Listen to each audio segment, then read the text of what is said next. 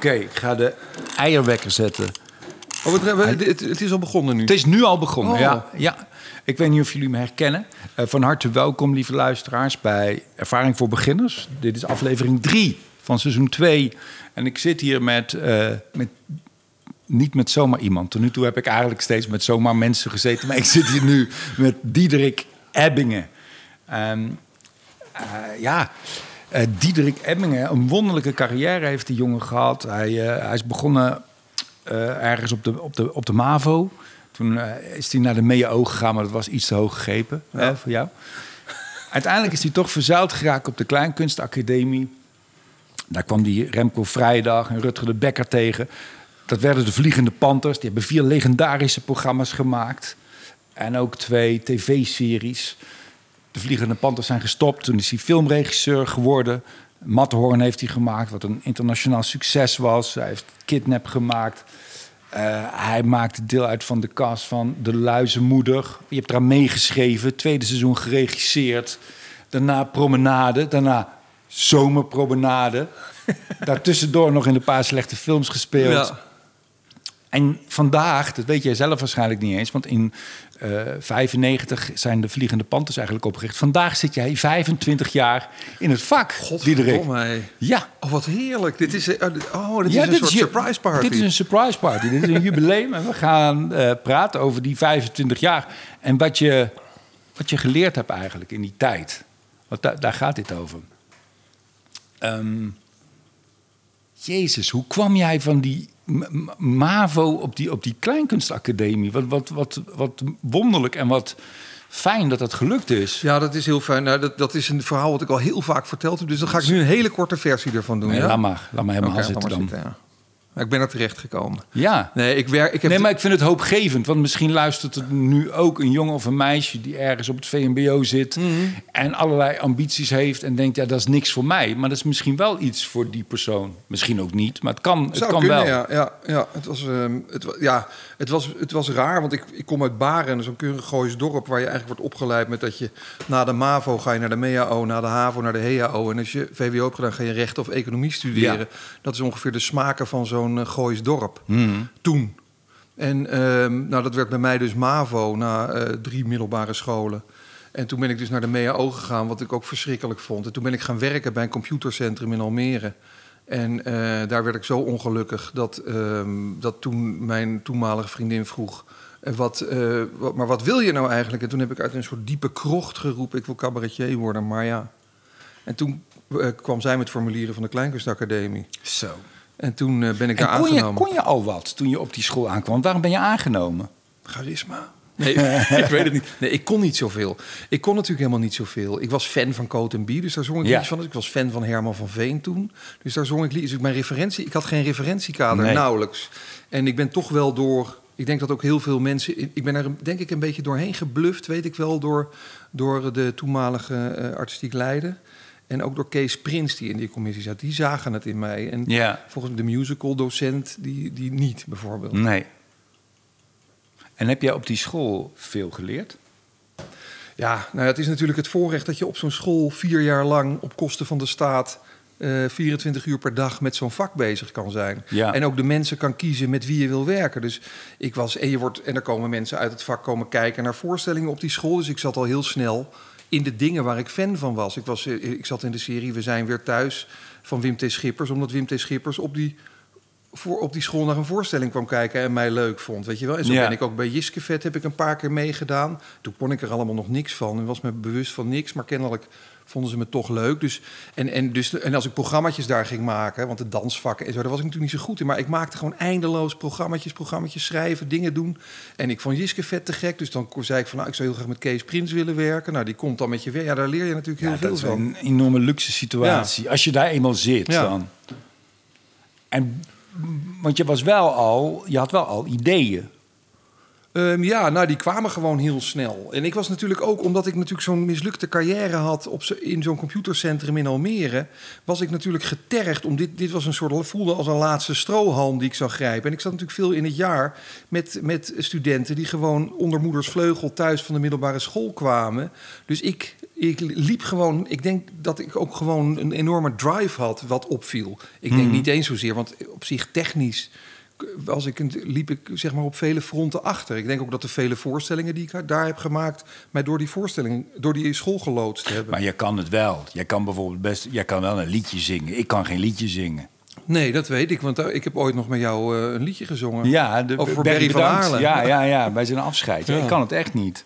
Nee. Dus je kon wel iets. Ik kon wel iets, maar ik bedoel, ik was daar niet, ik ben daar allemaal niet uitgesproken in. Het, het uitgesprokene zit in hetgeen wat ik wil maken en hoe ik eh, erin zit. Snap je? Ik kan niet, ben niet een goede zanger of ik ben ook geen, ik weet het niet. Ik- het is meer hetgeen wat ik maak of meebreng aan. eh, Want volgens mij ben jij ook wel goed in het. Jij kan denk ik ook wel heel goed eh, samenwerken met andere mensen. ja, heel goed. En je omringen met, met, an- ja, met anders getalenteerden eigenlijk. Nou ja, dat is ook, dat, dat denk ik. Kijk, ik ben niet, geen solist. Dat, ik, ik heb ook nooit de ambitie gehad om alleen op een toneel te gaan staan. Eigenlijk inderdaad puur vanwege het feit dat ik dat onge- een ongezellig idee vind. Dat ik dan Hmm. in mijn eentje door het land moet gaan trekken. Want je zou het wel heel goed kunnen, wil je zeggen. Nee, dat denk ik ook niet. Nou, ik denk ook niet. Ik weet het nou, maar het be- begint bij mij toch vanuit een soort vorm die ik bedenk. Ja. Als ik ooit eens een vorm bedenk van, oh, maar dit moet ik alleen doen, misschien dat ik het dan nog wel ga doen, snap je? ja. Maar als ik geen idee heb hoe ik daar in mijn eentje van, hallo dames en heren, kijk jij, als je een vorm, jij hebt een vorm. Ja, ik zie bij- bij jou, ik moet meteen denken aan het idee dat jij onderdeel bent van een trio.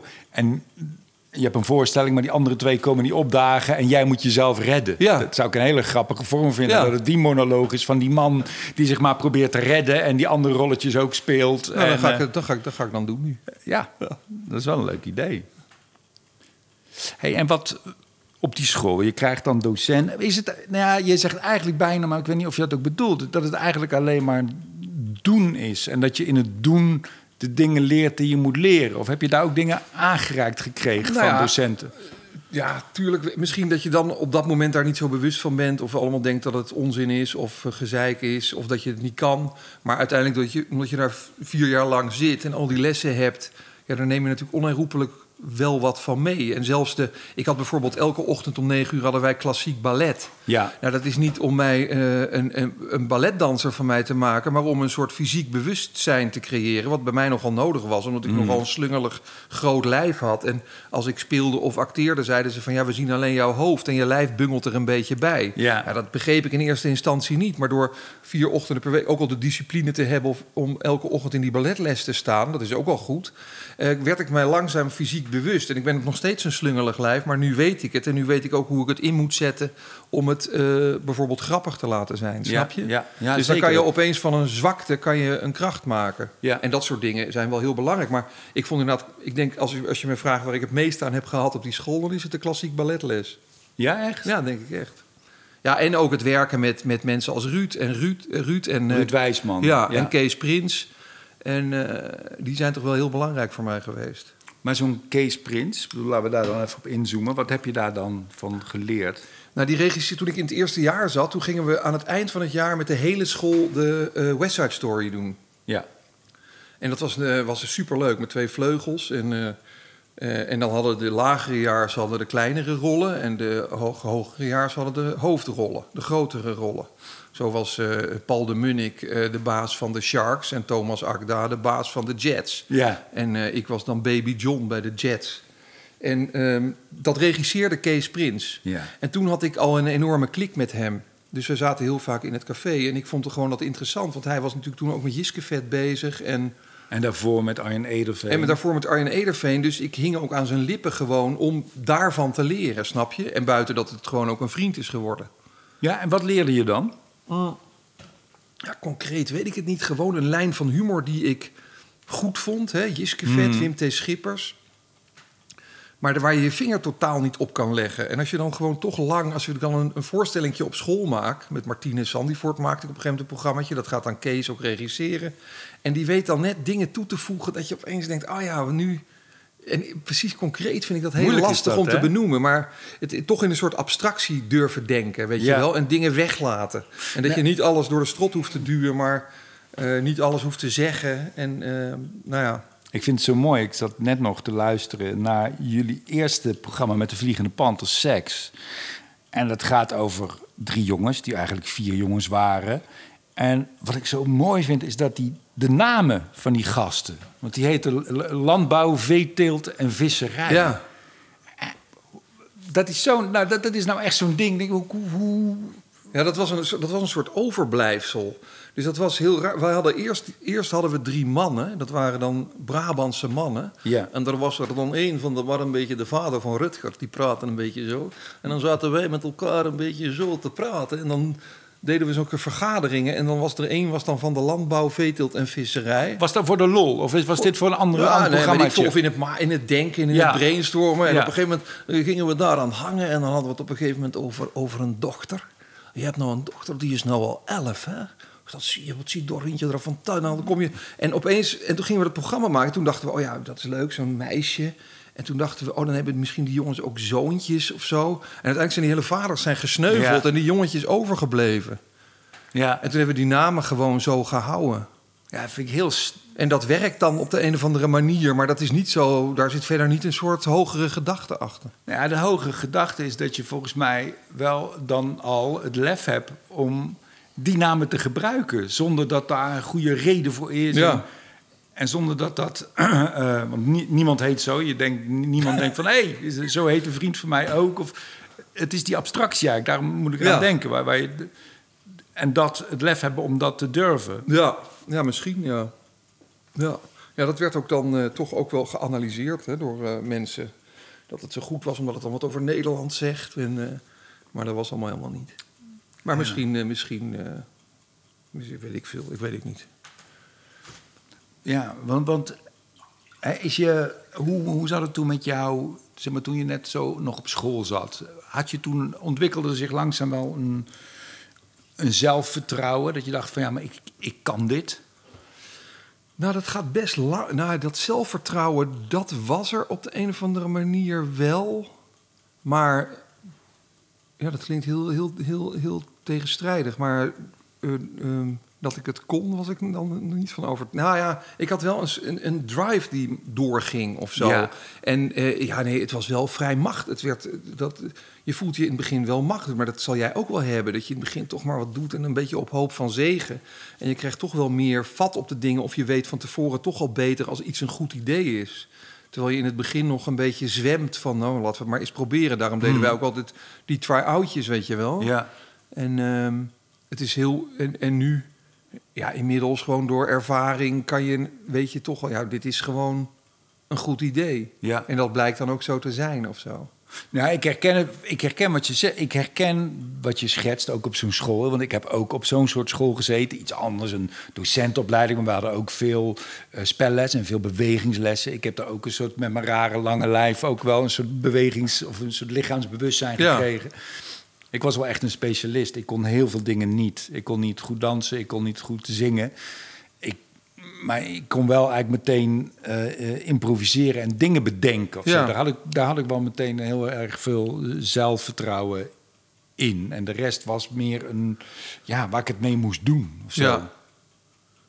Nou ja, maar dat is, bedoel, dat is toch eigenlijk ook.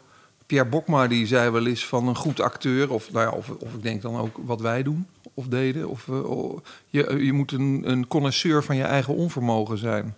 Hmm. Dat is natuurlijk eh, vrij essentieel.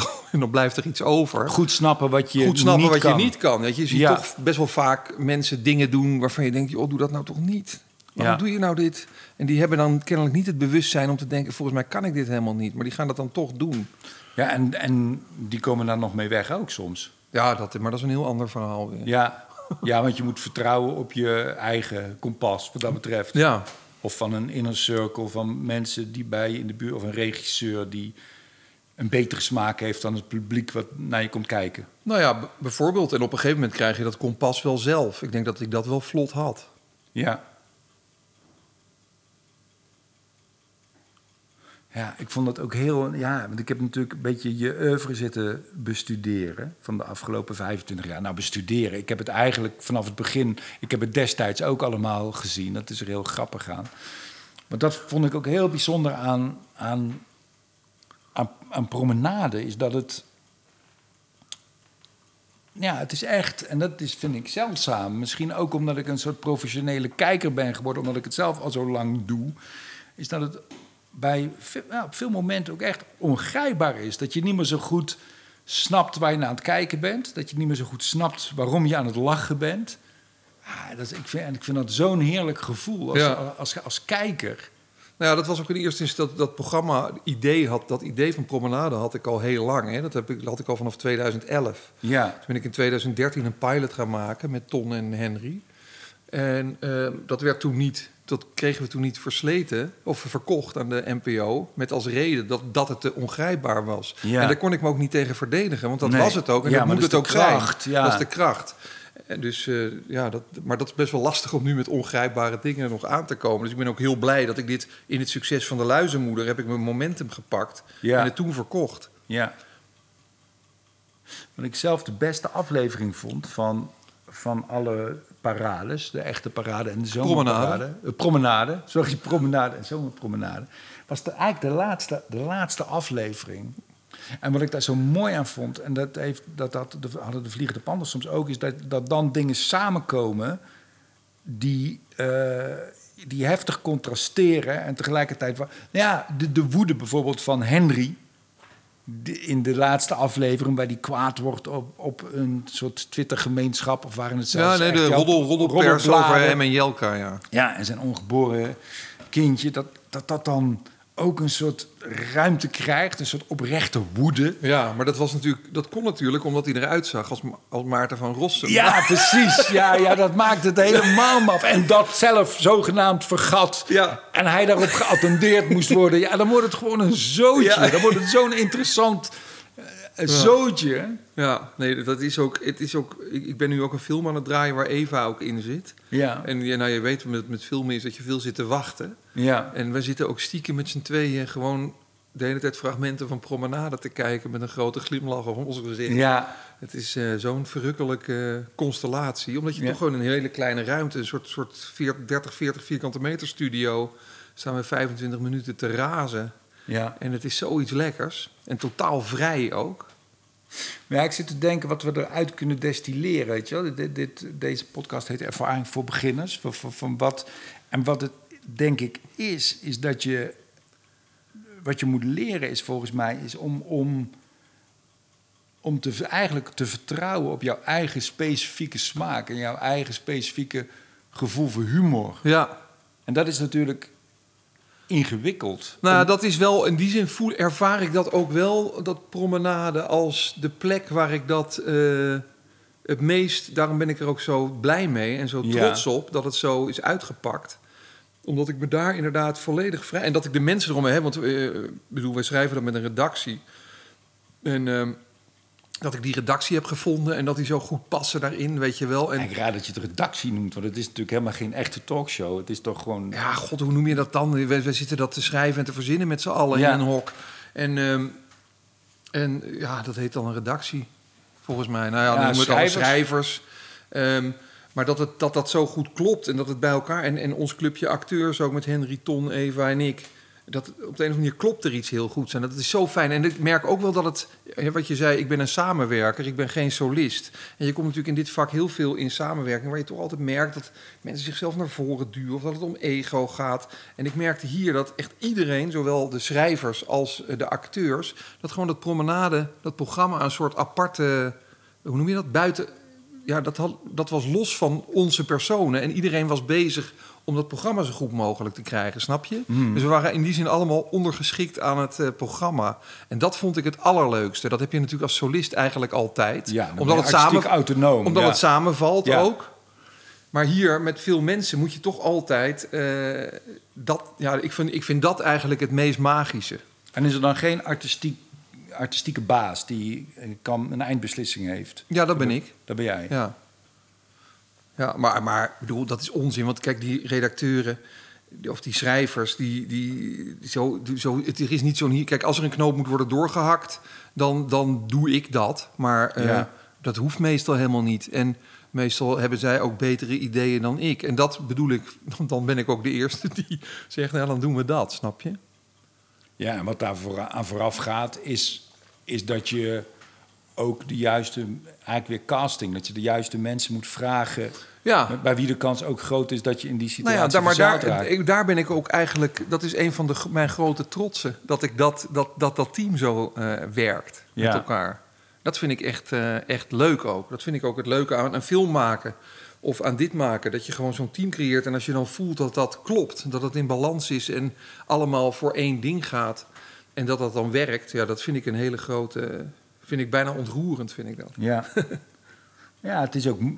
Dit is het ook. En het is natuurlijk ook ingewikkeld, omdat denk ik bij veel acteurs en makers. Er, er vechten natuurlijk ook allemaal verschillende krachten Precies. in je. Omdat je wil ook uitblinken, en je wil ook gezien worden en je wil ook eh, gewaarde- gewaardeerd Ja. worden. En iedereen is hunkert daarnaar. Ja. En veel van dat soort Nou, als je zo'n programma maakt, of een serie, of een film, of wat dan ook, de kan, je, dan weet je van in ervaring is de kans dat iets mislukt tien keer groter dan dat iets lukt. Er moet Ja. zoveel goed gaan en zoveel kloppen voordat iets eh, lukt, zeg maar. Ja.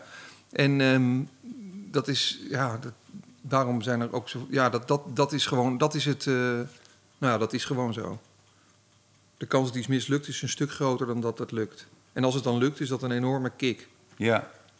En kun je daar maar beter van tevoren van uitgaan ook? Dat de kans groot is dat het... Nee, dat gaat niet. Tijdens het maken kan dat niet. Nee, helemaal niet. Daar ga ik helemaal niet van uit. Nee. Want hoe vaak, als je dan terugkijkt naar die 25 jaar, procentueel, bij de dingen die je gemaakt hebt. Hè? Ik heb het niet over de dingen waarin je speelt en gewoon een regisseur is die zegt wat je moet doen. Bij de dingen die je gemaakt hebt, hoe, hoe groot is dan je slagingspercentage? Best hoog, toch? Nou ja, maar dat komt ook omdat ik eigenlijk pas iets ga doen als ik voel dat het klopt. En dan durf ik het ook opeens aan te pakken. Dan denk ik, ja, nu ga ik het doen, want ik weet hoe het moet. En dus dan komt het ook meestal goed. Dus ik ga niet, in die zin speel ik voor mezelf ook wel op safe of zo. Of ik moet het goed, ik moet goed weten wat het is. Ik moet iets in mijn, in mijn vingers hebben voordat ik het aanga. Ook omdat je, zeker bij tv of bij film, je moet zoveel mensen eerst overtuigen van je idee voordat je het mag gaan maken. Dus je moet eerst zo goed eh, weten wat je gaat doen. En dan de mensen die of geld geven of beslissen of je op zender mag. Eh, ja, die moet je gewoon overvallen met een verhaal waar ze niet onderuit kunnen. Ja. En daarvoor, ja, je kan wel met een half idee daar naartoe gaan, maar dan krijg je het toch niet verkocht. Ja. Dus ik zorg dat ik heel goed voorbereid ben. En dan zelf al. En het komt ook wel eens voor dat ik. Dat ik, ik weet niet, niet nu letterlijk een voorbeeld, maar dat je een idee hebt. Je denkt, oh, dat zou ik wel willen. Dan ga je erover nadenken, ga je erover nadenken. En denk je, oh, dan moet ik naar de omroep. En dan voel ik op een gegeven moment dat dat idee strandt. Dat ik denk, Ja. het komt niet bij elkaar, het wordt niet goed. En dan Ja. laat je het los. ja, precies. Dat was vroeger op school ook. Dat als je, eh, dan maak je een spiekbriefje. Maar omdat je dat spiekbriefje had gemaakt, kende je eigenlijk al, had je, had je het eigenlijk niet meer nodig. Nee, precies. En, en bij een pitch is dat ook. Je Ja. moet een goede pitch maken. En als je hem gemaakt hebt, dan... Ja. Heb je, geef je wel eens les ook? Geef je les op de Nou, dat heb, ik, kleinkunst? dat heb ik wel gedaan. Maar ik heb, het probleem is... Ik, en ik vind het ook heel leuk om te doen. Het probleem is dat het zo... ehm, dat je het toch van tevoren moet plannen. En omdat ik natuurlijk freelancer ben... Ja, En dan zeggen ze bij wijze van spreken in september... zou je in maart een maand les willen geven? ja. En dan zeg ik, ja, ik kan wel ja zeggen... maar als er dan een klus komt eh, die ik graag wil doen... dan ga ik daar geen nee op zeggen. Ja. Hè, ik moet namelijk gewoon eh, werken voor mijn geld... en Ja. de hypotheek betalen. En het levert natuurlijk geen drol op, dat lesgeven. Maar Nee. ik vind het wel leuk. En wat, hoe pak je dat dan aan in zo'n les? Wat ga je dan doen? Als je Nou, ik heb, ik heb, toen heb ik eh, het, het, een soort workshop, heet dat dan. Hè? Dus dan geef je een maand of twee maanden les. En dan Ja. kreeg ik een hele klas en dan gingen we gewoon een voorstelling maken. Ja, een kap... Vanuit niks. Ja. Nee, maar, dat, maar nee, dat weet je niet of het een cabaret... begin, oké, en hoe begin je dan? Nou, dan eh, ga ja, jezus. ja, ik, ik zou dat nog steeds een keer echt voor een theater willen doen. Alleen dat doe ik vanuit geen idee. Maar dat vind ik ook te gek, snap je? Dat je gewoon een groep mensen hebt. Ja, en maar ja, ga- hoe begin je dan? Heb je, want Nou, is dan denk je, oké, jongens- leerlingen of zo. Hoeveel mensen zijn dat dan? Ja, bijvoorbeeld acht of tien of zo. En dan zeg je, oké, we gaan een voorstelling maken. Ehm, nou, dan ga je eerst ga je een beetje kletsen wat die mensen bezighoudt. Nou, dan, dan ventileer je daar iets uit. En denk je, wat is dat? Is er een situatie of een plek te bedenken waar we dat kunnen doen? Eh, nou, dan kom je bijvoorbeeld in een uitvaartcentrum. Oh ja, dan is het een begrafenis van iemand. Dan, zijn we, dan kunnen we kijken wie, wie, wie wat tot wie is. Of er stellen zijn, wat je ingang is tot een... eh, eh, en langzaam, nou, dan, stuur je mensen naar huis. Zeg nou, schrijven jullie een scène, schrijven jullie een scène. We be- bedenken iemand die er dood is, waar afscheid van genomen wordt. En uiteindelijk ontstaat er dan... Nou, dan worden die scènes gespeeld en dan ja, dan probeer je dat zo in elkaar te passen. En dan komt er een soort hele, ook een hele rare, abstracte voorstelling uit. Die, echt te gek, die, toen echt te gek was. Dat was een eindexamenvoorstelling van de kleinkunst. En ehm, ja, dat wordt dan een heel, ook heel raar, ongrijpbaar, abstract ding. Maar wel te gek, omdat, waar je wel gefascineerd naar zit te kijken. Ja. En dat vind ik super. Ik zou heel graag zo voorstellingen maken met mensen. Maar ja, kom maar eens bij een theater of bij een producent aan en zeg: ja, ik zou met acht acteurs. Ik weet nog helemaal niet waar het uitkomt. Maar boek maar vast. Ja, dat, Ja. dat kan gewoon niet. Ja. Maar dat is eigenlijk doodzonde. Want dat is een geweldige manier om iets te maken. Ja. Want hoe, dat, dat, dat vroeg ik me ook af, nadenkend over je oeuvre. Wordt het wel eens vaker oeuvre? Ik vind het zo leuk om het woord oeuvre ook uit te spreken. vind ik, ik vind het een beetje. Oeuvre. Het heeft iets pretentieus, oeuvre, Ja, vind je niet? Daarom, daarom vind ik het leuk om het eens uit te spreken. Gewoon ja. werk. Nou ja. Ehm, want dat vind ik ook wel heel. Dat vond ik bij de, bij de Vliegende Panthers, bij Promenade heeft dat ook. Van dat, dat je allerlei dingen. Je, je voelt altijd bij jou dat jij van alles vindt. Ook over, over, over de wereld, over de, mensen om je heen, over, over televisie. En dat er ook een grote behoefte is om dat te benoemen. En ook om het te, te, te becommentariëren. En om het eh, onderuit te halen eigenlijk. Lukt het je soms ook om dingen...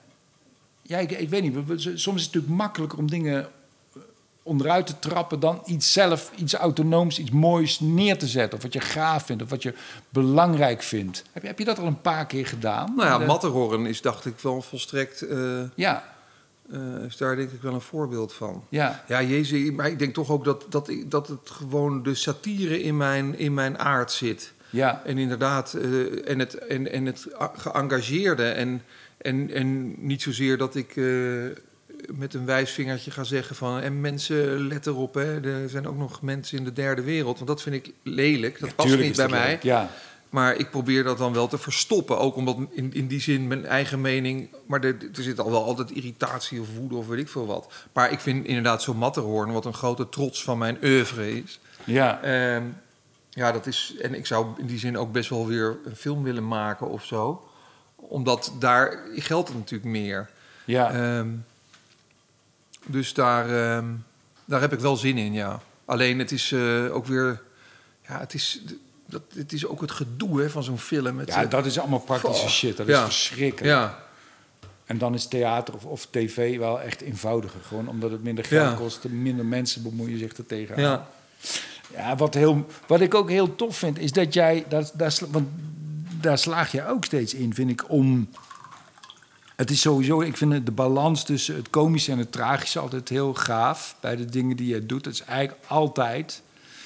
En, ehm, eh, en dat ook zelfs, nou ja, Promenade is daar natuurlijk een voorbeeld van. Dat is misschien een satirisch programma, maar ik zie het ook als, een, als drama. ja. En dat is, dat is heel tof, dat je dat, dat je dat mengt en dat je dat mixt. Ja. En dat die, die presentator, eh, ja, die, ja, die die, kan wel van alles zeggen, maar je ziet ook zo goed ja, met waar- angst dat het mislukt. en dat hij van de die zelf zender mee worstelt en, en zijn ego Ja, en ja. Al, die, Ja. al die ellende. Ja. En is dat een personage wat je dan. Is dat bedenk, bedenk je dat? Of is, gebeurt dat automatisch als jij zo'n mannetje gaat spelen? Nou,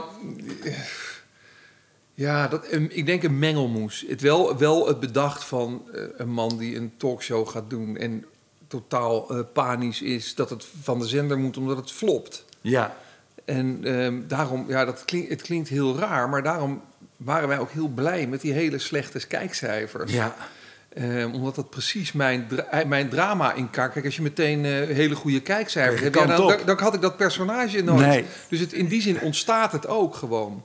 En, en wordt die strijd eh, heel, ja, gewoon een klein ego, weet je wel. Als, als, als één iemand kritiek heeft op televisie, op promenade, de Tel Beckhand in dit geval, Oh, ja, ja, dan kan ja, ik me gewoon niet, dan kan dit personage zich niet inhouden.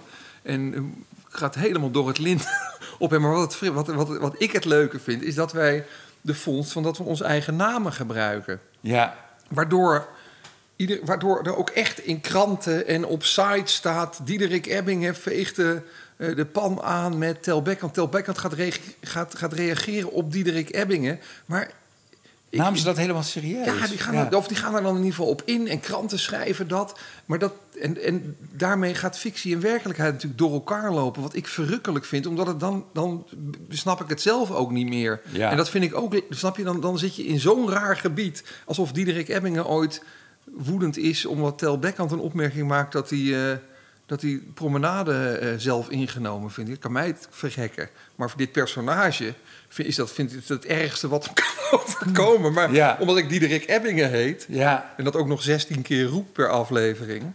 eh, gaan mensen echt denken dat ik dat ben. Ja, dat vind ik verrukkelijk. en wat is dan verrukkelijk aan om die verwarring, om die verwarring te creëren? Is dat het hoog, hoogst haalbare als maker? Nou, dat, ik vind dat op de een of andere manier... Kijk, ik heb toen in de laatste aflevering ook gezegd... ik heb een voet tussen de deur bij Omroep Max. Weet je wel, ik had mijn ambitie uitgesproken... dat ik heel graag Siebrand Niesen van de, troon wil stoten. En dat ik eh, eigenlijk ook Droomhuis gezocht wil presenteren. En eh, dan zeg ik, jongens, ik heb een voet tussen, de laatste af, ik heb een voet tussen de deur bij Omroep Max. Ik ga het museum, een, een filmpje met mij en Dionne de Graaf, waarin we dan zeggen dat we een museum van Nederland gaan doen. Maar dat is echt zo, dat presenteer ik echt. Dus ik maak dat programma echt. En daarmee, ja, dat vind ik dan toch, dat Ja. mensen mij daar, promenadefans opeens mij dan echt in dat programma zien. Als gewoon Ebbing in het programma, dat wordt zo raar. Ja, Nou, dat vind ik leuk. Terwijl heel veel mensen dan zeggen, wat leuk dat Dionne de Graaf daaraan meewerkt. Ik zeg, nee, dit- ik ga het programma echt doen. Dat was een echt filmpje. ik ben, ooit, ik ben ooit helemaal aan het begin van mijn carrière gevraagd voor Lingo. En toen voor mij presenteerde François Boulanger. Ja. En toen zocht ze een presentator, ben ik gevraagd. Toen heb ik het even overwogen. En toen dacht ik, wat ik ga doen, ik ga langzaam gek worden. Want je moet dan heel veel afleveringen op een dag nemen. En dat ik op een gegeven moment, na een week, een klein zenuwtrekje ga krijgen. En dat ik langzaam maar zeker gewoon geschift, geschift aan het worden ben. Maar net zo langzaam dat ze me toch Ja, heel ja, ja. lang nog op die buis houden. Dus eigenlijk ook een beetje Ja, dat. ja maar dat, maar dat, is, heeft toch iets, ver- dat, dat heeft toch iets ja, verrukkelijks? zeker, ja. Ik vind dat fictie en werkelijkheid... eh, hoe heette die nou, die beroemde komiek, die Amerikaanse komiek... Die En die Kaufman. Ja, die deed dat natuurlijk nog veel extremer. Maar het heeft iets heel aantrekkelijks, omdat het een soort rare... Het doet iets raar. Het is een beetje hetzelfde effect dan als het zomer- of wintertijd is... dat je nog altijd weer moet nadenken... Is het nou, mogen we nou maar een uur langer of een uur korter slapen? Nou ja, het grappige is natuurlijk ook dat die scheiding, als je het zo zegt, in de werkelijkheid natuurlijk niet zo strikt is. Dat als iemand zogenaamd als zichzelf bij de wereld draait doorzit, is dat natuurlijk ook een bepaalde manier een performance. Zeker. Nou, ik zat, Sowieso. ik zat in de laatste, voor de laatste aflevering van het eerste seizoen... ben ik naar de Wereldrijd doorgegaan om mensen op te roepen om te kijken naar Promenade.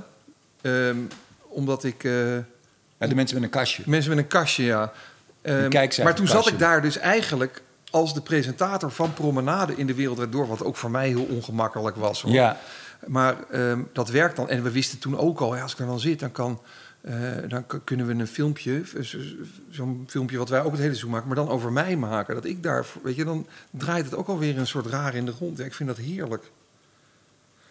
Ja, dus het, aan de andere kant is het ook altijd, maar afvraag, vraag ik me ook elke keer af van hoe lang moet je, weet je, dat is ook een belangrijk ding, hoe lang moet je met die doorgaan, weet Ja. je wel? Kijk, bij, zo'n, bij die luizenmoeder had ik gewoon naar die, naar, ja, toen wist ik al van, nou, dit is, doe ik twee seizoenen en dan is het wel mooi geweest. ja. En dan stop ik er ook mee, omdat ik dan ergens voel en, eh, van... Ja, dit is wel verteld, eh, dit wordt niet meer beter. Dat met de Panthers hetzelfde. Na die vier programma's denk je... Elke keer dacht je, oh ja, we gaan nog een programma. Oh ja, we gaan nog een programma. En op een gegeven moment denk je, shit, ja, maar wat gaan we dan... Wordt dat nog beter of gaan we dan nog een schepje bovenop? Hmm. Kunnen we nog een hoek om? En als, dat, als ik dan niet voel dat dat gebeurt, dan... Ja, dan, dan, dan moet ik ermee stoppen, snap je? ja. En dat had bij de luis, maar en bij de. Dus daar ben ik ook die, die alertheid heb ik bij promenade natuurlijk ook de hele tijd. Maar ik heb toch nog niet het gevoel dat we daar klaar mee zijn. Nee. Hey, en wat heb je nou, ja, wat, heb je, nou- wat, wat, is er wat is er gebeurd de afgelopen 25 jaar? Wat is er veranderd? Wat heb je, wat heb je geleerd? Nou, ja. ik weet dat het een moeilijke vraag is, maar het is wel. Nou ja, ik denk wa- waar we het in het begin over hadden. Ik denk wat ik geleerd heb is dat ik eh, weet wat ik kan. En weet eh, eh, wat ik kan aangrijpen en wat ik niet kan aangrijpen. Dat het- En wat kan je dan? Waar, waar ben je goed in? Nou ja, ik kan. Eh, Jezus, nou ja, eh, niet concreet, maar zo'n promenade. Dan voel ik gewoon ergens dat dat een goed idee is. En dat dat Ja. gewoon goed gaat komen. Ja, Mits ik de juiste mensen vind. Maar ook die mensen vinden, weet ik inmiddels hoe ik. Niet, en het is, het is ook veel intuïtie. Hè? Het is ook niet allemaal Nee. dat ik eh, op kan schrijven, ik zoek dat. nee. Nee, het is ook intuïtie. Ik bedoel, we hebben de eerste die ik vroeg voor mijn redactie, daar had ik één keer mee in het café gezeten. En die, die, die schreef een column in de Volkskrant. Ehm, Simon Hendriksen. En, ik, en, ik, en, en die zag ik op Twitter en ik moest om zijn tweet. Nee, hij had, hij had Ja, je had Hans de Boer van het eh, NCW, heet van, die, van die werkgeversorganisatie. En op een gegeven moment had hij op Twitter zo'n iPhone-filmpje. Die iPhone maakt dan van zichzelf filmpjes met hele grote muziek eronder. Met alleen maar foto's van Hans de Boer. En daar kreeg ik toen zo de slappe lach Ja. van. En toen dacht ik, nou, hij moet in de redactie. ja. Ja, en dat pakt dan fantastisch uit. Maar dat is, ja, dat is ook alleen maar op zoiets... Dat is vrij dun. En toch op een soort intuïtie, snap je? Hmm. Dus hoe- wat ik concreet. Dus ik denk dat ik weet wat voor mensen ik moet, nodig heb om, om, het, om hetgeen wat ik wil goed te maken. Want ik denk dat ik dat alleen helemaal niet kan. Eh, dus dat ik altijd mensen nodig heb. En ik weet waar ik, waar ik wel ja en waar ik niet ja op moet zeggen. En ik vind het ook nog steeds leuk om nieuwe dingen. Ik vind zo'n programma dat ik nu dat Museum van Nederland doe, dat vind ik heel raar dat ik dat doe. Ja, ik dat ook. ik opeens zo'n eh, programma, ik vind dat dan ook wel weer leuk. Om, ik weet toch, toen ik Matterhorn maakte, dat was toen een soort, dat was natuurlijk een soort arthouse film. En die werd toen werd echt omarmd door de artistiekelingen, zeg maar. En eh, die vonden dat allemaal fantastisch. En dan merkte, was ik in Utrecht op het filmfestival. En dan merk je opeens dat je in een bepaalde Erbij hoek hoort. opeens erbij hoort. En daar krijg ik het dan op de een of andere manier ook een beetje benauwd van. En toen belde Johan Nijenhuis of ik in de film Toscaanse Bruiloft. En dat was, voelde ik dan echt als een reddingsboer. Ja, Ja. dat ga ik doen. Ook, en dat heeft ook te maken dat ik kennelijk toch de behoefte heb om als persoon ongrijpbaar te blijven. En, en dat ik het ook leuk vind om gewoon veel verschillende dingen te doen. Ik zou bijvoorbeeld zo'n carrière, zo'n zo'n solo-carrière van elke keer maar weer zo'n nieuw programma. Dat, Kijk je op neer. nee, ik kijk er helemaal niet op neer, maar ik, Ik heb wel het gevoel dat je een beetje op me neerkijkt. nee, helemaal niet. Die kijken enorm tegen jullie op. Nee, dat ook niet. Maar ik vind Nee, het, hoor. maar ik vind het gewoon wel heel lekker om verschillende dingen te doen. Ja, maar dat heb ik ook. Ik doe ook allemaal ja, jij doet natuurlijk ook veel films nog en eh, series en dat soort dingen. Nou, dat is heerlijk. Ja, ik zat nog te denken aan dat... Ik krijg eh, aan dat inderdaad aan het begin van wat er dan... Nou Ja, dat, is, dat vind ik ook. Want je hebt denk ik ook... Dat vind ik ook goed. Ik denk dat je ook... Je hebt, ik kwam op school en hield van Herman van Veen. Dat is natuurlijk ook een belangrijk onderdeel. Je hebt ook wel eh, je smaak ontwikkeld. Ja, zeker. Daar is zo'n opleiding ook ideaal voor. Toch? Die krijgt ook dingen aangereikt. Nou ja, dat is natuurlijk, kijk, wat ik zei, je hebt ook geen referentiekader als je op zo'n school Nee. komt. Dus ik kende Herman van Veen en, eh, via een vriendin. En daar kreeg ik videoband en dat vond ik magisch en fantastisch. En dan kom je op zo'n opleiding en dan opeens zie je Carver. En dan zie je eh, ja, eh, andere, andere dingen. En dan denk je, oh, dit kan ook. En, ja, Mm. en dan is opeens dat, dat, dat, dat, dat fanschap van Herman van Veen... dat gaat er dan vrij snel af. Ja. Hier heb ik overigens ruzie met Herman van Veen over gehad. Over, die- over dit fenomeen. Mm.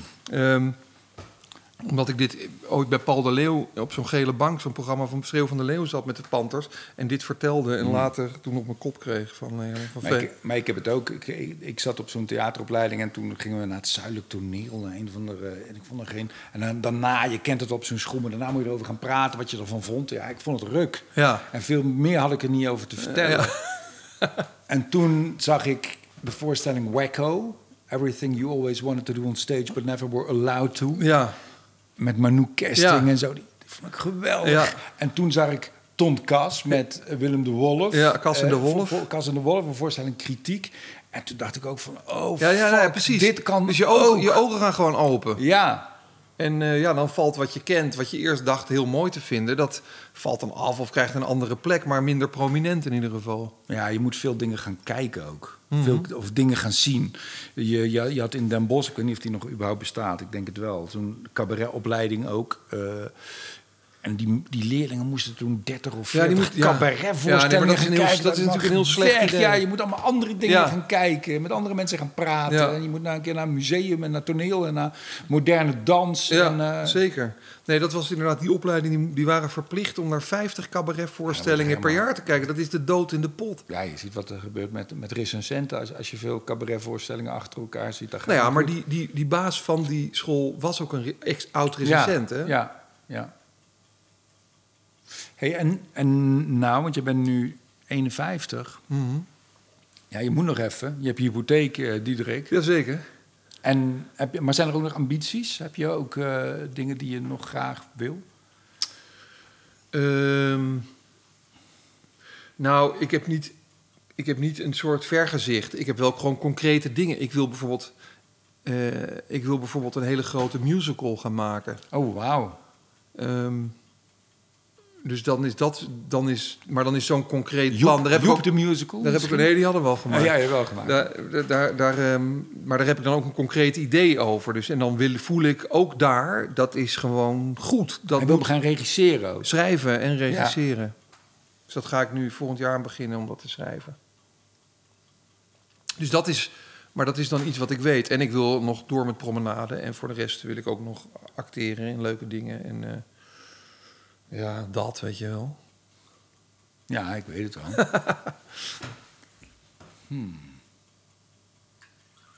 Godverdomme jongens, we moeten nog, twint, we moeten nog even, hè? En je hebt nu nog even je bent nu al door je vragen heen. ik, had, ik had geen vragen. Oh, je had geen vragen? Nee, ik bereid me eigenlijk niet voor, Oh. joh. Vind ik het hartstikke goed doet. Ja, het is ingewikkeld. Of, nou ja, in zoverre ingewikkeld dat jij, jij zegt een beetje van... ja, ik doe het op mijn intuïtie. Ik weet wat ik goed en wat ik niet goed kan. Ja, maar dan kom ik dat- straks en dat- thuis en dan denk ik... kut, ik had helemaal niet moeten zeggen dat ik het nog op intuïtie doe. Maar ik Nou, doe het. nee, dat is fantastisch. Dat is denk ik waar. Ik, ik doe dat ook. Ja.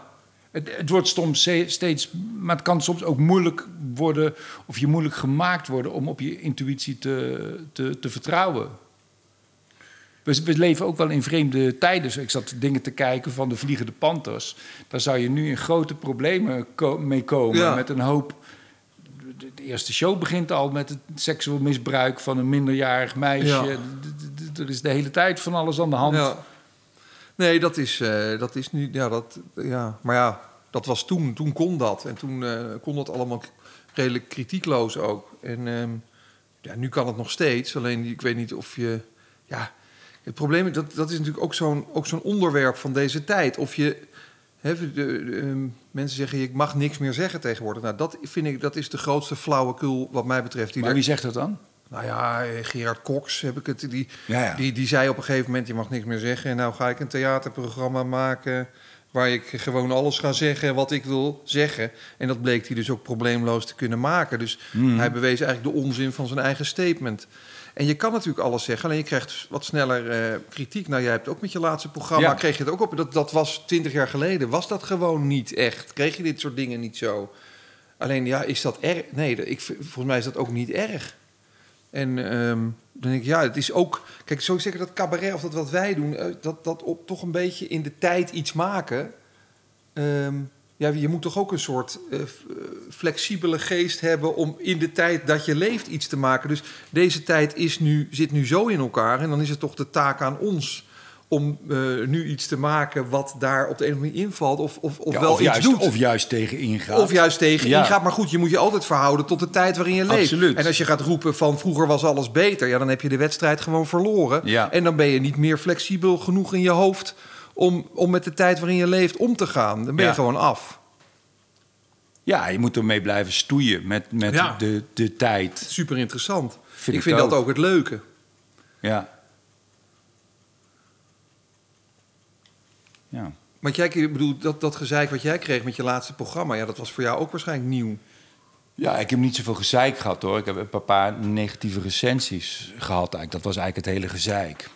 En voor de rest, eh, mensen vonden het hartstikke leuk. Ja. En ook toen het op tv kwam, toen er veel mensen naar keken, vonden mensen het ook leuk. Maar het kan ook wel heel beklemmend worden, vind ik. Oh, wel hoor. Ik, ben niet iemand die zegt van je mag niks meer zeggen. Maar ik geloof ook wel dat, dat kunst en theater een, een, ook een manier is om, eh, om in een, op een soort vrijplaats een onderzoek te doen naar wat zich allemaal afspeelt in je hoofd en in je, in je en eh, krochten op te zoeken. Ja. Maar En- dat kan toch ook? Dat kan toch niet minder? Ja, misschien dat inderdaad... eh, Nou, bepaalde woorden liggen wat gevoeliger, maar dat vind ik ook helemaal geen probleem. Er zijn ook allemaal alternatieve, alternatieve woorden. Nee, je hebt gelijk. Het kan, het kan ook gewoon. Sterker nog, het wordt er soms extra leuk Ja. door, omdat er veel spanning ligt bij een bepaald onderwerp. En dan is het inderdaad een eh, interessante balansoefening om daar op een grappige, interessante precies. manier Ja, maar dat is toch- dat is toch onze- mijnveldje Ja. te lopen. Dat, dat, ja, dat, dat, is de opdracht toch ook? En dat, is, dat vind ik... Dat, is jouw, dat maakt jouw laatste programma ook interessant en, en ergens eh, urgent. Ja, vind ik ook. Vind ik ook. Ja, maar dat, dat, en dat vind ik wel, dat vind ik, nou ja, dat vind ik interessant in, in, in wat jij aan het uitspoken bent dan. En ook bijvoorbeeld ook met, met, met promenade. Nou ja, ik zei het net al een keer, maar misschien, maar dat heeft hier wel mee te maken. Dat, ik heb er heel intens van genoten. Ik zal die laatste aflevering vond misschien wel het sterkste.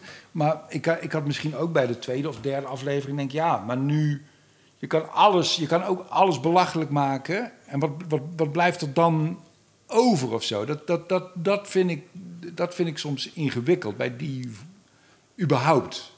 Ja. Bij comedy, of bij, bij, maar ook bij die vorm. Mhm. Ja, dat is wel interessant. Ja, nou, dat is natuurlijk ook als je het maakt, is dat de hele tijd daarnaar op. Weet je, ik bedoel, die, die gesprekken, ik bedoel, het schrijven, als je eenmaal weet wat je wil schrijven eh, voor promenade, dan, dan schrijf je het vrij snel, zo'n scène. Die personages zijn duidelijk. Maar daarvoor, de gesprekken die we daarvoor voelen, eh, voeren van welk onderwerp wel, welk onderwerp niet, waar pist hij eroverheen, waar wordt het te flauw, waar wordt het te makkelijk, Mhm. daar gaat bijna de meeste tijd aan op. Ja. Ja, het is natuurlijk ook die zoektocht. Ja, het is een wanstaltig cliché als je het hardop uitspreekt. Maar je probeert natuurlijk ook een bepaalde hypocrisie aan de, aan de kaak te stellen. Dat, dat, dat je probeert ook in. Dat, dat is het leuke van promenade. Dat al die meningen en al die mensen die iets vinden. ijdelheid. En, ah, ja. Ja. dat het soms gebaseerd is op, op, op ijdelheid, Zichzelf op, serieus op, op nemen. ego. Ja, denken dat ze echt daadwerkelijk met iets bezig zijn. Ja, dat vind ik. Ja, nou, ik vond dat. eh, ik bedoel, in 2011 al verzon ik het eigenlijk. En toen was, toen was natuurlijk mijn ergernis aan al dat hele meningen circus. Kijk, het is een beetje ook raar, hè? Dat. dat nou, toen zat ik me in ieder geval te, al te erg aan die talkshows en al die meningen. En toen bedacht ik dit idee van je moet gewoon inderdaad deze talkshow ma promenade maken.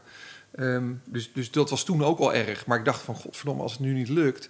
dan ja, over een paar jaar zullen de tijden wel weer anders Ja. zijn. Dan zal het wel niet meer relevant. Maar het werd alleen maar erger en erger. Ja, dat vind ik altijd, want dat vind ik grappig aan die voetbalpraatprogramma's. Daar, daar kijk ik ook wel naar. En wat, wat zo fijn is, vind ik, van voetbal überhaupt, is dat het een alternatief universum is. En dat het natuurlijk eigenlijk helemaal nergens over Nee. gaat. Maar je hebt ook hobby's nodig. Ja. En je hebt ook afleiding Precies. nodig. En ja, wat Theo Jansen daar beweert, prima Ja. dat hij dat zegt over welke voetballer dan ook. Het rare is dat eigenlijk exact hetzelfde Ja. gebeurt bij de talkshows. Alleen dan gaat het over de fucking echte wereld. Ja. En ja, en dan, dan is het eigenlijk veel belangrijker wat er gezegd wordt. Maar daar is dezelfde Ja, het is gewoon lekker. willekeurigheid, ja. Ja, nee, en het, ja, nee dat is, het is, eh, ja, het is besproken. Ja, maar het is ook het rare dat natuurlijk bijvoorbeeld, nou neem bijvoorbeeld eh, acteurs. Hè? Een mooi vak, maar dat is een vak, dat is een, eh, er zit een ambacht aan en mensen kunnen dat. En je hebt ook loodgieters, dat is ook een vak. Alleen het vak van acteur, dat, dat speelt zich af in de openbaarheid. En dus acteurs worden dan populair. En dan worden ze gevraagd om bijvoorbeeld in een talkshow te komen. En dan gaat het in de oorlog in Syrië. En dan zijn er acteurs bij die dan denken... nou, daar kan ik ook mijn zegje eigenlijk wel eens Ja. over doen. Of over eh, hoe dat zit. Maar, en dat wordt dan op de een manier geaccepteerd... omdat ze dan acteurs... maar je gaat, loodgieters worden ook niet uitgenodigd... om te vragen wat ze van de oorlog in Syrië vinden. Dus het is een, heel, en het is een hele rare constructie. ja En zeker dat als ze, en ze vinden, ze langzamerhand weten ze ook wel de mensen die, eh, ja, Overal die, een die, mening die over overal hebben. een mening over hebben. En die worden dan ook vaak uitgenodigd. En die, die gaan daar dan zitten, zitten lekken. en dat is, ja, dat is, dat is soms verbijsterend. Heb jij enige behoefte... Jij begon erover dat jij eh, eh, vroeger ook fan was van Verkoot en de Bie. Misschien nog wel. Want dat waren ook een beetje richt, morele richtingaanwijzers. Die zijn er nu misschien niet of bijna niet. Is er, mo- moet jij daar tegen vechten bij jezelf? Heb je dat wel in je?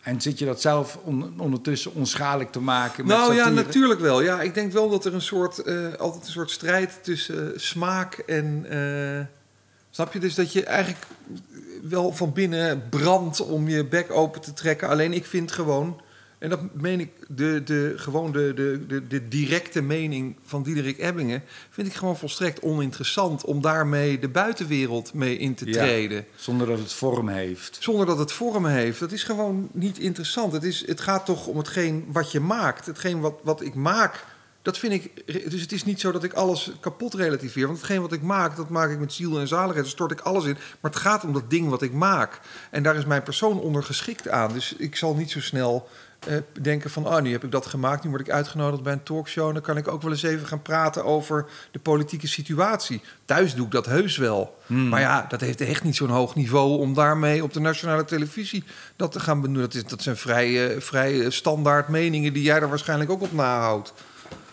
het is gewoon niet interessant. En zou, Dus dit is ook weer een voorbeeld van wat je goed en wat je niet goed kan. Je, dat is een, je ziet dat als een beperking van, dat is prima thuis, maar niet in, eh, op tv. Ehm, ja, je, moet toch niet, je hoeft toch niet jezelf eh, alles, alles maar... eh, Nee, ik ben het helemaal met je Ja. eens. mijn privémening boeit gewoon niet. Inderdaad, het gaat om... En de- daarom bel ik je nooit. Daarom vind ik dit, vind ik, dit vind ik wel leuk, maar ja, ja. Nee. Nee, dat is toch gewoon oeverloos gelul. Maar, mis, maar missen we het? Want er zijn natuurlijk, want dat is het lullige, dat er natuurlijk wel multinationals zijn. Allemaal, er zijn allemaal krachten die ons iets willen laten doen, iets willen laten denken, iets willen laten kopen. Sta- staat daar genoeg dan tegenover? Moeten moet er niet wel dat soort figuren zijn, zoals Van Koten en de Bie, die, die daar iets Nou tegenover stellen? Nou ja, eh, Lubach die doet, doet Ja. dat, eh, die, die doet dat Ja. natuurlijk. En die doet dat hartstikke goed ook. Nou, die gaat stoppen, dus daarom zit ik een beetje aan jou te denken. Ja, maar dat is gewoon niet mijn vorm. Ik vind dat gewoon, dat is niet, dat, dat, dat kan ik niet en dat wil, ambieer ik ook niet. Promenade ambieer ik. ik denk, Ja, ik dat wel. vind ik gewoon een feest. Ook omdat je daar gewoon zoveel disciplines in kwijt kan. Ja. Je kan liedjes, weet je, dat, dat, dat, ik ik ben nu een film aan het opnemen. En dan zit je aan een tafel te dineren en dan moet je scènes spelen die geschreven zijn. En ik zit daar ook met Eva in die film en het is hartstikke leuk hoor. Maar, maar je- je- wij zijn natuurlijk toch een beetje uit die eh, kleinkunstachtige hoek. Dus ik denk, oh, dan nu anders een liedje gaan zingen of, Ja. iets, of iets met een accentje doen. Ja, dat kan dan Saai. niet. Saai, ja. een beetje.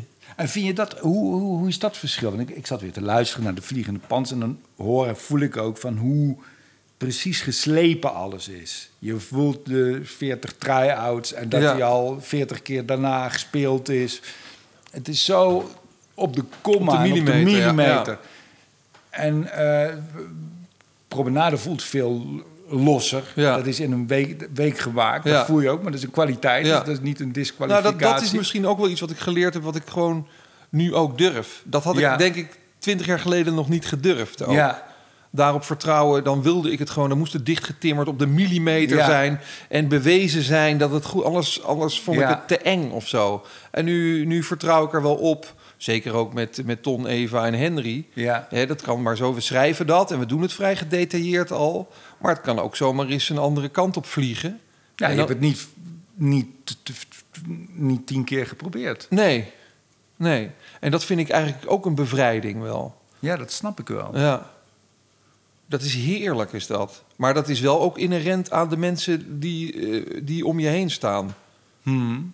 Daarom kan ik er ook op vertrouwen. Snap je? Ja.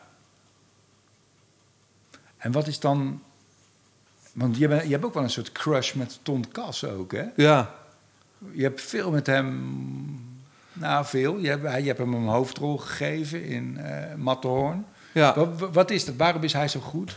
ja, ik had het begon bij... ehm, ik was altijd al geïntrigeerd, ook door Cas en de Wolf. En eh, gewoon, ja, ik vond hem altijd eh, gewoon grappig. En ik vond hem op de een of andere manier intrigerend. En eh, toen had ik eerst een korte film gemaakt met René van het Hof. Succes. Ik heb dat met René van het Hof ook. Dat vind ik een soort, ja, ik vind dat van een soort buitenaards niveau.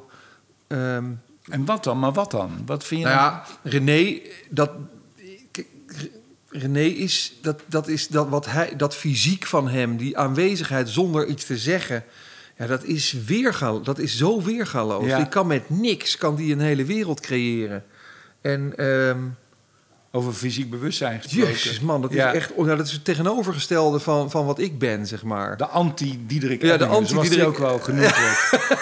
Maar dat is zo. ver- Ik bedoel, als, ik denk ook als hij een Amerikaan of een, of een, of een was geweest, dan was het een wereldster geweest, Ja. deze man. Weet je, hij is zoveel leuker dan Mr. Bean bijvoorbeeld. Zoveel, Ja. zoveel geraffineerder en subtieler. En Ton, die heeft op de een of andere manier ook zoiets wat ik ongelooflijk intrigerend vind. Dat heeft meer ook met zijn blik en zijn ogen te maken. En ehm, ik weet nog, ik ben eigenlijk gaan reg... Nou, de eerste maakte ik een korte film en met René. En toen had ik een heel klein rolletje daarin. Voor, daar had ik Ton voor gevraagd. Ik was echt zenuwachtig dat hij naar de set kwam, omdat ik echt fan van hem was. En dat ene scènetje, ze doen dan niks. En toen zag ik die combinatie van die twee. Toen heb ik een, een televisiefilm over Han, met Hans Steeuwen gemaakt. Weet je, gewoon Hans. Ja. Daar was toen ook met René, heb ik ook, het was Ton dan, die had daar een grote rol. Heb ik René was juryvoorzitter van de imitatiewedstrijd. En dat was ook wel eens een goede scène. En toen heb ik besloten, ik ga met die twee een film maken. En ik heb eerst nog tegen heel veel mensen gezegd, regisseurs, je moet Ton Kas... Maar wat kan hij? Wat kan hij? Wat is er zo specifiek goed aan hem? Probeer dat eens uit te leggen. Hij kan ook, hij, hij doet niks. Maar ik vind Ja. zijn... Hij wordt gebruikt voornamelijk als een Amsterdamse proleet. Ja. En dat kan hij ook weergaloos goed. Maar ik ben langs heel veel regisseurs gegaan. Ik zeg, je moet hem een keer een dramatische hoofdrol geven. Dan kreeg ik altijd het antwoord... nee, want die, die kan alleen maar zo'n Amsterdamse proleet. Toen zei ik, nou, weet je wat, dan ga ik het wel zelf doen. Dat is, was eigenlijk ook mijn Ja. drijfveer om Matterhorn te maken... waar hij totaal een ander figuur speelt. Maar hij heeft... Hij, als jij zijn... In, daar zit zoveel diepte in die man. Als je Ja. die blik alleen al ziet, daar gebeurt... en je weet niet wat het is... maar hij, is, ja, hij kan met niks, met een blik, met kijken kan hij een hele wereld, voel je die, voel je die hele persoon. Maar dat is er ook iets interessants. Ja, dat hè? is, dat is magisch. Ja, maar daarom is het zo. Ik vind dat nog wel leuk. Ik heb nog niet met veel acteurs gesproken in deze podcast. Maar dat is wel iets heel interessants, omdat het ook weer zo ongrijpbaar is. Ja. Dat is een, een binnenwereld Ja. die door ergens door poriën Nou ja, heen dat is het. sijpelt. Dat, en dat is denk ik van Ton het meest intrigerende. Ja. Zijn binnenwereld. En ook, ook eh, ja, ik vind het een fascinerend. En hij is dan ook nog zo grappig. Hij Ja. heeft een timing die, die onweerst. Ik bedoel, hoe vaak wij moeten. Ja, als, als er gestopt wordt in promenade, dan is het gewoon omdat een van ons drieën op een gegeven moment Ton Moet- aankijkt. moet en dan, dat hem. is gewoon niet. Het is bijna niet te doen. En hoe heeft hij... En wat... Ja, ik En hij doet niks, hè? Nee, daarom. Ja, nee, dat kan ik ook niet. Dat is gewoon, daar zit hij echt met een soort. En is dat, wat is dan die binnenwereld? Dat ik probeer te definiëren ook voor mensen. Ja, ik, ik kan me er wel iets bij voorstellen, maar is het, is het, is het dan zijn, is het zijn persoonlijkheid? Is het Zeker. Dat, dat wat hij denkt, maar niet zegt? Nee, het Of- is ook zijn persoonlijkheid. Het is gewoon een intrigerende man. Ik ben dol op hem. En kun je dat, kun je dat voeden? Als je, als, je, als, je, als je nu als je twintig bent en je denkt... ik wil ook een interessante binnenwereld. Wat, Nou, kun ik is er denk iets te doen?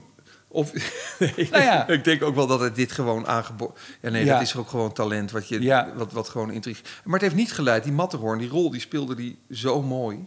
En dat was, vind ik, zo'n, echt zo'n goede prestatie. Maar het heeft er niet toe geleid dat hij vaker voor iets anders is gevraagd. Dus dat vind ik ook wel raar. Ja. Dat vind ik ook een beperking van veel regisseurs... die altijd maar weer dezelfde usual suspects nemen. Ja. Terwijl die Ton, die maakt er gewoon echt iets anders van. En iets bijzonderders. Ik ben zo geïntrigeerd door hem. En het is inderdaad een soort muze van me ja, geworden. Ja, mooi, dat is het woord, ja. Ja. Ja, ik vind jou ook een hele interessante. Ik vind jou ook een hele goede acteur. Serieus. Jij bent altijd heel erg wat jij. Je, dat is ook zo mooi bij de, de- bij de Turbo Twins. Bij de, als jij die, Pierke speelt. Ik, ik kan me ook herinneren van toen af. Van hoe goed Remco vrijdag ook is. En Rutger en zo. Zit ik toch heel ook. Dat vind ik ook altijd. Er staan er drie mensen op het podium. En dan zit je naar één iemand toch meer te kijken. Ik vind, jij, jij, jij, hebt dat, jij hebt dat ook op een hele totaal andere manier eh, dan Tom. Jij, bent veel, veel warmer of zo. Je Ja. voelt heel veel bij Nou jou. ja, dat is natuurlijk, ik ben natuurlijk best beperkt als acteur. Maar ook, ook omdat dat ik- is het woord wat ik zocht. Ja. Beperkt. Nee, maar je wordt, en je wordt ook beperkt eh gecast wel. Hè? Ja. Ze weten altijd... eh, ah, oh, dan lees je een script denk je... oh ja, de goede lobbes. Dan moet ik weer een goede lobbes. Ja, maar jij Oh, speelt alles, eigenlijk speel je alles heel welgemeend.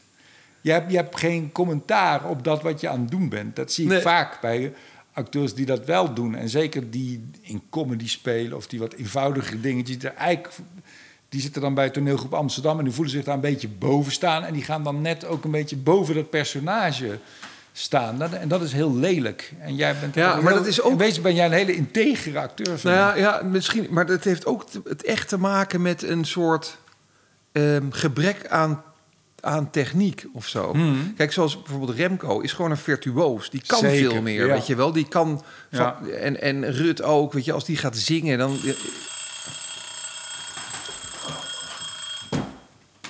Bedankt. Dit was het? Ja, dit was het, man. Ik had het idee dat we net een beetje op stoom begonnen Ja, te komen. ik nou ook. Misschien een tweede aflevering, toch? Ja. Ja, van verlengde, de extended version. Ja. Dat er nu voor de... Of we gaan gewoon eh, nu doorpraten Ja, zonder wie- die microfoons aan. Wie houdt ons tegen? Ja. maar ik vind dat interessant. Weet je wat ik interessant vind bij, bij iemand zoals Remco? Die inderdaad, die is fantastisch, ook wat hij allemaal kan. Maar toch hebben mensen die heel veel kunnen en heel goed kunnen imiteren... die hebben vaak moeite met een naturel. Omdat Ja. daar zoveel keuzes zitten. Ja, ja, ja. En jij, en jij, Ja, die en jij, en jij hebt gewoon, je hebt gewoon niet zoveel keuze. Nee, nee, Je hebt niet zoveel keuze, Diederik. Dit- je bent dit- een hele beperkte acteur. Ja, maar dat ervaar ik ook Ja, daadwerkelijk een hele zo. beperkte acteur. Ik ben een hele beperkte acteur. Nou, dat is toch een mooie conclusie van dit gesprek. Ja, heel beperkt. Dankjewel, Diederik.